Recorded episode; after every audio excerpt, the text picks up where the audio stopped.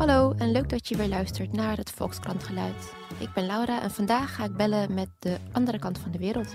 En dan wel met onze correspondent in Latijns-Amerika, Marjolein van de Water.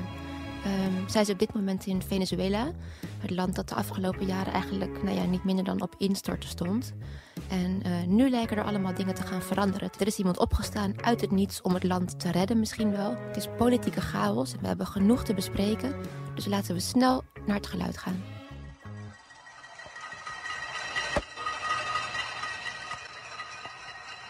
Ja, hier in Zuid-Amerika is het, uh, het slaan op potten en pannen al decennia lang een gebruikelijke manier om te protesteren tegen, tegen regeringsleiders of, of andere redenen om uh, ontevreden te zijn in het land. Het begon in Chili van de jaren 70 en ja, je ziet het ook in Argentinië en Brazilië en nu dus ook in Venezuela. Mensen zijn boos op de regering. Uh, ze hebben geen eten en om dat kracht bij te zetten, ja, slaan ze met pollepels op, uh, op lege pannen. hey, en waar ben jij nu zelf eigenlijk?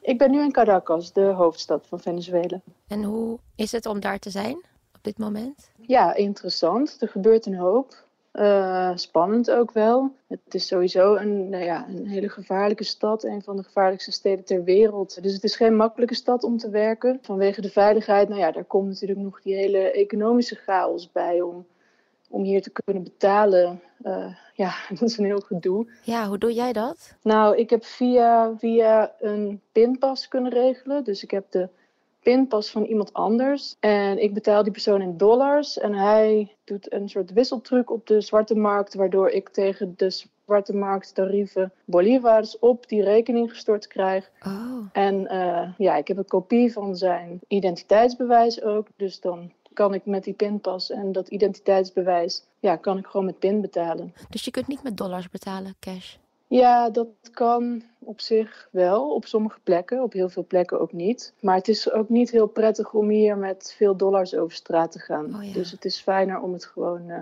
via zo'n pinpas te doen. Voel je je wel veilig als je daar over straat loopt? Uh, nou ja, overdag is het wel goed te doen. Maar s'avonds uh, loop ik niet meer over straat. Wat zijn de risico's als je dat wel zou doen? Ja, het belangrijkste risico is voornamelijk overvallen, maar er worden ook veel mensen ontvoerd. Je hebt express-ontvoeringen, noemen ze dat hier. Ja, dan nemen ze je mee en dan moet je iemand bellen en die moet dan zo snel mogelijk met een zak geld komen. Op bedreiging dat je anders vermoord wordt. Dat is genoeg om uh, binnen te blijven, ja. En bu buiten ja. dat gevaar, hoe is de sfeer nu? Zeg maar in deze politieke crisis, als je nu de straat op gaat? Ja, nou, het, het, normale leven is wel een beetje teruggekeerd. Mensen zijn weer gewoon aan het werk. De sfeer is ook heel afwachtend. Het is heel onduidelijk wat er gaat gebeuren. Niemand weet dat. Iedereen heeft wel heel veel hoop dat er nu eindelijk een verandering in de lucht hangt. Maar dat gaat ook wel gepaard met angst. Uh, veel mensen denken dat dat misschien wel in de lucht hangt, maar dat het ook met een heleboel bloedvergieten uh, gepaard zal gaan. Mm-hmm. Dus ja, de sfeer is gespannen, een beetje nerveus, hoopvol. Het is, het is een hele rare mix van heel veel emoties, maar... Een soort tussentijd. Ja, maar ook, kijk, um, dit is niet voor het eerst dat Venezolanen massaal de straat op gaan om het, om het aftreden van Maduro te eisen. Dat is in 2014 ook gebeurd, in 2016, in 2017. En toen leefde er ook heel veel hoop en dat is uiteindelijk nergens op uitgedraaid. Kijk, het verschil is nu wel dat er nu enorme internationale steun is natuurlijk. Dat een heel aantal landen uh, Juan Guaido al als nou ja, officiële interim-president hebben ge geaccepteerd. Um, dat maakt het anders dan vorige keren. Maar goed, uh, veel mensen hebben ook zoiets van, nou, eerst zien dan geloven. We zullen, moeten eerst maar zien dat hij inderdaad opstapt. En voorlopig staat het leger nog achter hem. Dus ja, hij heeft de wapens in handen. Even heel kort uh, de situatie. Het is een paar weken geleden eigenlijk uit het niets een beetje een man opgestaan. Die Juan Guaido, die jij net al noemde. Die uh, is verkozen tot parlementsvoorzitter, als ik het goed heb. En even later heeft hij zichzelf tot interim-president uitgeroepen. Dus terwijl Maduro eigenlijk nog aan de macht is. Ik zag op jouw Twitter dat je een uh, video gepost had waar je eigenlijk vlak naast hem stond, toch? Ja, dat klopt. Dat was woensdag. Dat was nadat hij zichzelf benoemd had? Nee, dat was vlak daarvoor. Oké. Okay. Ja, hij had met uh, andere parlementariërs van de oppositie... is hij de dag begonnen in het kantoor van een van de oppositiepartijen. En daar was ik bij. Ehm, daar mocht ik bij zijn. Dus... Is dat bijzonder om zo dichtbij te kunnen komen? Ja, dat was wel bijzonder. Daar waren verder geen journalisten bij. Er stonden wel wat journalisten buiten te wachten, maar echt binnen was ik de enige. Dus dat was, ja, dat was wel heel bijzonder. En ook ja. leuk om die sfeer zo te voelen. Hoe zij ja, zich aan het voorbereiden waren om, om de straat op te gaan. Op straat hoorde je echt al de mensenmassa roepen om zijn naam. En ja, hij zat daar en hij leek echt heel erg relaxed en ontspannen. Oh, ja. Wetende wat hij zou eh, gaan doen zelfs? Ja, en ik vroeg ook aan hem van, ja, nou je bent zo kalm, uh, ben je niet zenuwachtig? En, ja, doe het. ja, hij zei, nee, ik, uh, ik ben niet zenuwachtig, ik ga gewoon doen wat ik moet doen. Ik neem de verantwoordelijkheid op me en het, dat, dat leek ook echt zo te zijn. Het, het, zag er niet uit alsof hij net deed alsof hij ontspannen was. Het, hij was het echt. Het is een soort, ja, gewoon midden in een van de grootste drama's die je voor kan stellen in zo'n land, is hij een soort volksheld dus. Ja, voor een groot deel van de bevolking is hij uh, inderdaad wat je zegt. Een paar weken geleden kende niemand, of nou ja, vrijwel niemand zijn naam. Mhm. Was hij gewoon een van de vele parlementariërs hier. En nu Mensen hebben hun hoop aan hem opgehangen. Mensen zijn ook echt heel erg op zoek naar iemand die een uitweg kan uh, bereiden uit, uit deze enorme crisis. En ja, hij is nu diegene. Dus hij heeft echt een hoop doen ontwaken die ja, toch wel een tijdje uh, in slaap was. Ja, en denk je dat hij terecht is, die hoop? Of hoe zie jij hem eigenlijk? Wat goed is aan hem, is hij is nieuw. De oppositie heeft, heeft jarenlang onderling geruzied. Uh, er zitten ook een hoop figuren tussen met veel haat en wraakgevoelens. En dit land is heel erg verdeeld. Dus je hebt de Chavistas die op hand zijn van de regering en de vorige president Hugo Chavez. En je hebt de oppositie. En ja, die onderlinge haat is echt tot hele grote hoogtes opgevoerd de afgelopen jaren. En in die zin denk ik dat Juan Guaido is iemand die, ja, die zoekt verzoening, die zoekt uh, dialoog, die ja, dat is iemand die inderdaad die rust die hij uitstraalt. En dat is wel iets wat vertrouwen wekt. In die zin denk ik dat hij, als er iemand is die dit nou ja, met zo min mogelijk bloedvergieten kan oplossen, dan mhm. is hij dat wel. Maar ja, de vraag is natuurlijk ook in hoeverre handelt, heeft hij uh, autonomie over al zijn stappen. Mhm. Er zijn enorme belangen gemoeid met, met Venezuela. Het is het land met de grootste oliereserves ter wereld. De Verenigde Staten ja, heeft een grote hand ook in wat, mhm. wat er nu gebeurt. Die, die staat uh, pal achter uh, Guaido en heeft ook al voordat hij zichzelf tot uh, interim-president benoemde, nou, hebben ze daar uitgebreid contact over gehad. Dus ja, het is heel erg afwachten in hoeverre ja, wat er gebeurt, hoe hij zich gaat gedragen als inderdaad Maduro opstapt, als Maduro opstapt. Want dat is natuurlijk ook sowieso nog de grote vraag. En zou het ook kunnen dat hij ook eigenlijk misschien zelf net zo'n soort uh, machtswelluste man is? Of dat dat gaat blijken straks? Nou, dat idee krijg ik niet. Ik heb gisteren ook uh, wat mensen in zijn omgeving gesproken. Zijn moeder, zijn broer, oh ja? vrienden uit zijn jeugd, eh, de juffrouw van de kleuterschool. Oh, echt? Uh, ja, dat uh, komt morgen in de krant. Oh, wat leuk. Wat, wat voor persoon is het? Wat komt daaruit naar voren? Nou, ja, iedereen heeft eigenlijk wel datzelfde beeld van hem. Namelijk iemand die graag zo min mogelijk conflicten heeft. Heel verzoenend. Iemand die ja, mensen met elkaar wil verbinden. Ehm, kijk, hij zegt niet dat hij nu de president wil worden. Hij zegt, er zijn drie stappen. Maduro moet weg. Dan gaan we een transitieperiode in. Nou ja, in die periode staat hij dan aan het roer als interim-president. En dat is een mhm. recht dat hij krijgt omdat hij Kamervoorzitter is. En bij het ontbreken van een legitieme president en vicepresident heeft de Kamervoorzitter automatisch de taak om uh, het presidentschap op zich te nemen. Mhm. Maar als die transitieperiode voorbij is, nou ja, in die periode moet je voorstellen dat ze, ze moeten de instituten hier democratiseren. Alles is natuurlijk helemaal op hand van de huidige regering. Dus ook de kiesraad en alles wat je nodig hebt om gewoon eerlijke verkiezingen te organiseren. Dat is op dit moment niet mogelijk. Dus dat moeten ze dan eerst democratiseren en uh, ja, allemaal op orde brengen. Dan komen de verkiezingen en het is helemaal niet gezegd dat hij dan kandidaat is.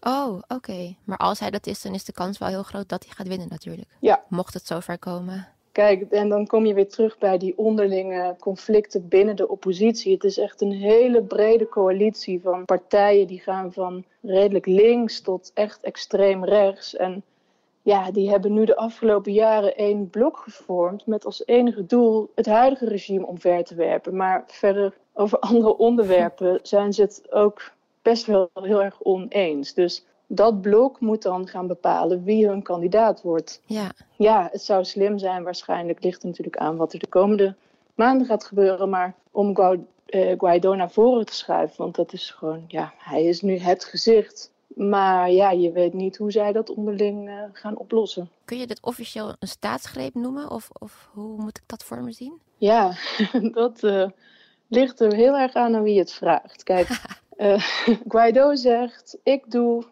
wat de grondwet voorschrijft. Zij zeggen, er zijn verkiezingen geweest in mei, die zijn volledig frauduleus verlopen. Nou ja, dat is ook zo. Dat betekent dat er geen legitieme president is. En omdat die er niet is, heb ik als Kamervoorzitter de plicht zelfs om die taken op me te nemen. Mm Maar goed, als je gaat vragen binnen het kamp van de regering, dan zeggen ze nee, ja, wij hebben gewoon verkiezingen gehouden, Maduro is gekozen. Um, dus dit is een staatsgreep met hulp van de Verenigde Staten die hier onze oliereserves willen komen leegroven. Met, normaal heb je bij een staatsgreep natuurlijk het leger nodig en dat staat pal achter Maduro nog steeds. Ja, nou ja, en dat is dus waar ook uh, Guaido en, en, en de andere oppositieleden nu heel erg op hameren. Zij, zij willen dat het leger achter hun komt staan. En zij zeggen letterlijk tegen het leger: luister, als jullie je aan onze kant scharen, dan is dat geen staatsgreep, maar dan volg je de grondwet. Ik ben mhm. degene die jij nu als president moet erkennen, niet Maduro. Ja. ja, er zijn natuurlijk een heleboel geruchten, zoals altijd in dit soort situaties. Iedere dag komen er weer nieuwe geruchten dat officiers en die zouden allemaal uh, van kant aan het wisselen zijn. Maar het is heel erg onduidelijk. En wat in ieder geval zeker is, is dat de legertop enorm profiteert van uh, de corruptie in Venezuela. Mhm. Dus heel erg rijk worden dankzij het feit dat Maduro hier aan, aan de macht is, dan is het uh, lastiger om iemand uh, over te halen dan wanneer zij geen enkel belang hierbij hebben. Ja, maar bijvoorbeeld, kijk, van die legertop snap ik het wel, want die worden gewoon heel dik gespekt. Maar er zijn gewoon die normale militairen, die, zoals je ook al schreef, van ja, jullie hebben ook honger. Dat, uh, dat werd ze dan steeds naar de oren geslingerd met die amnestiewet voor hun hoofd. Dat is toch ook zo? Dat zijn toch ook allemaal mensen die ook last hebben van deze situatie? Zeker. Uh, je ziet ook dat onder de inmiddels 3 miljoen vluchtelingen die, die Venezuela hebben verlaten de afgelopen jaren, zitten duizenden militairen. Uh, en dan voornamelijk nou ja, lagere rangsmilitairen. Mm Die dus, uh, ja, hoe noem je dat, gedeserteerd zijn. Ja. en het land zijn ontvlucht. Maar ja, dat is één ding. Iets anders is dat jij als soldaat of als um, laaggeplaatste militair in opstand komt. Want er zitten ook honderden militairen in de gevangenis vanwege plannen tot uh, samenzwering en dat, dat soort aanklachten. Dus ja, ze zijn bang. Ik denk dat een groot deel wel graag verandering zou willen. Ook omdat inderdaad hun eigen familie ook honger heeft en geen medicijnen kunnen krijgen. Maar mhm ja, die stap zetten, dat, dat doe je niet zomaar. Ja, want het risico is dus opgepakt worden. Ja, het risico is opgepakt worden. Qua, zeg maar, in het volk, hoe, weet jij een beetje hoe die verdeling is? Uh, de steun voor Maduro die er nog is en de steun voor Guaido? De laatste peilingen zeggen dat er iets minder dan 20% van de bevolking achter Maduro staat. Oké. En de rest is dan voorstander van verandering. Uh, ik denk dat een deel van hen ook wel, nou ja, enige sceptisch heeft naar uh, Guaido. Omdat ja, veel mensen toch een wantrouwen ook hebben naar de oppositie. En helemaal ook nu ze zo samenwerken met de Verenigde Staten. Ik bedoel, kijk, als je het hebt over militairen en politieagenten, of mensen die überhaupt voor de regering werken, mhm. ambtenaren en dergelijke, dan merk je wel dat ze heel erg voorzichtig zijn met wat ze zeggen. Maar de gewone Venezolaan in de straat, ik heb uh, niet het gevoel dat zij niet durven zeggen hoe ze hierover denken. Oké. En voor jouzelf, hoe is het dat eigenlijk? Kun jij gewoon alles opschrijven wat je wil? Nou, ja, dat doe ik in ieder geval wel. Um, voordeel, ja, voordeel is natuurlijk dat ik in het Nederlands publiceer. Mm Ehm, ik denk niet dat uh, Nicolás Maduro Nederlands spreekt. En, en zijn mensen ook niet. Dus kijk, als je voor New York Times of uh, dat soort kranten werkt, dan ja, word je natuurlijk veel nauwer in de gaten gehouden. De, de correspondent die hier zat voor New York Times is jaren geleden het land eruit gezet. Oh ja? Ja, dus... Maar goed, jij bent wel bij Guaido, uh, je hebt voor hem gestaan, je hebt een filmpje van hem gemaakt. Het lijkt me dat jij misschien ook wel toch een belangrijke pion bent. Nou ja, je, ja ik weet het niet. Ik uh, heb toen ik het land inkwam, hebben ze geen vragen gesteld. Dat was andere keren is dat wel anders geweest. Ja, tot nu toe heb ik nog geen uh, problemen ervaren hier. En je was er die andere keren toen er ook een opstand was in 2014 en 16, zei je net geloof ik, was je er ook? Ja, ik, ik ga eigenlijk ieder jaar wel een paar keer naar Venezuela. Ja, en hoe zit je daar nu weken achter elkaar? Um, ik ben er nu tien dagen ongeveer. Nee, dat is niet waar. Ja, nou, bijna. Uh, ik ben vorige week maandag aangekomen. Oké. Okay. Dus de maandag voordat, het, uh, voordat die eerste grote demonstraties waren. En ja, ik blijf nog in ieder geval tot en met het weekend. Om te kijken hoe, uh, hoe dit verder gaat. De komende zaterdag zijn weer grote. Nou ja, is het de bedoeling dat er weer een grote demonstratie plaatsvindt. Daar heeft de Mhm. oppositie in ieder geval toe opgeroepen. Dat is ook de dag dat het ultimatum dat de EU heeft gesteld, of in ieder geval enkele landen van de EU, waaronder Nederland, Mhm. eh, die hebben gezegd: Maduro moet verkiezingen uitroepen binnen een week. Anders gaan wij ook eh, Guaido als president erkennen. Nou, die deadline is zaterdag. Wat verwacht je dat er gebeurt? Ik verwacht niet dat Maduro verkiezingen uitroept. Nee, en wat kan bijvoorbeeld een land als Nederland dan doen?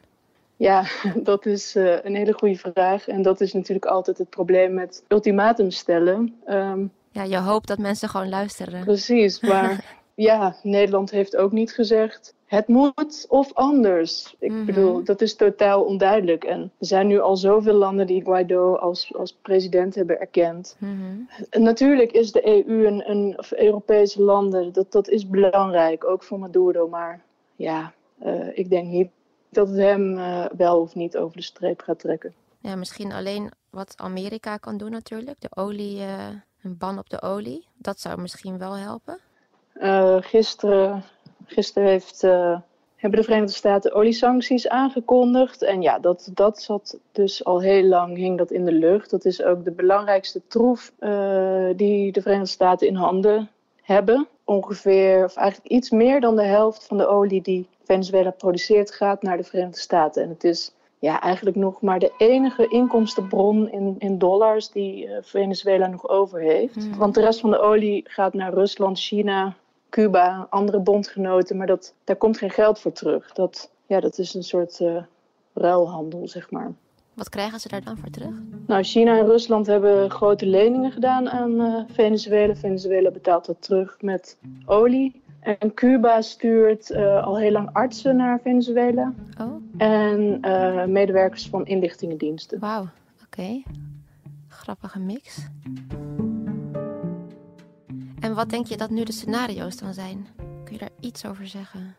Ja, er zijn verschillende scenario's. Kijk, er zijn een aantal landen, waaronder tot nu toe ook Europa, maar ook Mexico en Uruguay, die roepen op tot uh, ja, toch dialoog om tot een uh, vreedzame oplossing te komen. Nou ja, die vreedzame oplossing is in principe mogelijk als Maduro inderdaad zegt: we gaan nieuwe verkiezingen houden en uh, die verkiezingen die worden wel eerlijk gehouden. Mm -hmm. En die kans is niet zo groot waarschijnlijk. Denk het niet, maar goed, aan de andere kant komt hij wel steeds verder in het nauw, ook Ja. nu met die nieuwe sancties. Dus het kan zijn dat hij op een gegeven moment ook geen andere uitweg meer ziet. Binnen zijn regering zijn ook weer allerlei stromingen die een meer radicaal, ander meer ook open voor dialoog. Dus ja, wat daar achter gesloten deuren allemaal voor ruzies plaatsvinden, dat weten we natuurlijk ook niet. Mm. Ja, er zijn ook weer andere geruchten. Er is een vliegtuig uit Rusland geland hier uh, gisteravond. Een leeg passagiersvliegtuig. Oké. Okay. Dus de geruchten gaan dan dat, nou ja, dat hij is gekomen om Maduro en zijn uh, handlangers uh, op te halen en een veilig onderkomen te bieden in Oh, ja? Rusland. Maar goed, dit zijn geruchten. Hè. Er gaan hier echt zoveel geruchten. Maar wat zou er dan gebeuren, hypothetisch? Als hij naar Rusland uh, wordt gevlogen? Dan is Guaido de interim. Ja, nou ja, dat is hij dus in principe al, vindt hij zelf. Kijk, Rusland beschouwt dit ook als een staatsgreep. Dus uh, zij zullen het dan zien als het in veiligheid brengen van een president die wordt bedreigd met een staatsgreep. En hoe veilig is het voor Guaido eigenlijk? Is, heeft hij niet de kans om omgelegd te worden? Zeker, ja, dat is, uh, dat is een heel groot risico. Er zijn natuurlijk een heleboel oppositieleiders geweest de afgelopen jaren die uh, inmiddels in de gevangenis zitten. Uh, of ondergedoken in ambassades of het land zijn ontvlucht. Uh, Guaido zit op een geheime locatie. Hij duikt af en toe wel op en hij doet toespraken en dergelijke. Maar ja, er is een reëel risico dat hij, uh, dat hij wordt opgepakt, zeker. Hey, en wat staat er nu voor jouw programma de komende tijd? Want je blijft er toch tot na het weekend. Wat ga je doen? Ja, het is, het is deels natuurlijk afwachten. Um, maar ik wil ook gaan kijken ja, hoe, hoe de ordentroepen van, van Maduro tekeer zijn gegaan. Er zijn heel veel mensen gearresteerd, er worden mensen gemarteld, uh, ook minderjarigen. Dus ik ja, wil gaan kijken of ik, uh, of ik daar um, iets mee kan. Hmm. Uh, mensen spreken, kijken of mensen me kunnen vertellen uit eerste hand hoe dat dan is gegaan. Je bedoelt familieleden van slachtoffers bijvoorbeeld? Of, ja, bijvoorbeeld, ja. Hoe pak je dat aan? Ja, dan ga je de wijk in, de straat op. Ja, nou, er zijn ook organisaties die zich bezighouden met uh, uh, dit soort geweld, uh, staatsrepressie. Die houden bij hoeveel mensen al zijn gedood, hoeveel mensen worden gearresteerd. Via dat soort oh, organisaties ja. is, is het misschien wel mogelijk om contact te krijgen met ja. slachtoffers. Ja. Oké. Okay. Heel veel succes de komende dagen. Ik uh, ben benieuwd naar je stuk over uh, Maduro en zijn kleuterjuf, onder meer. Ja. en uh, ja. Nou, hou je taai. Dankjewel.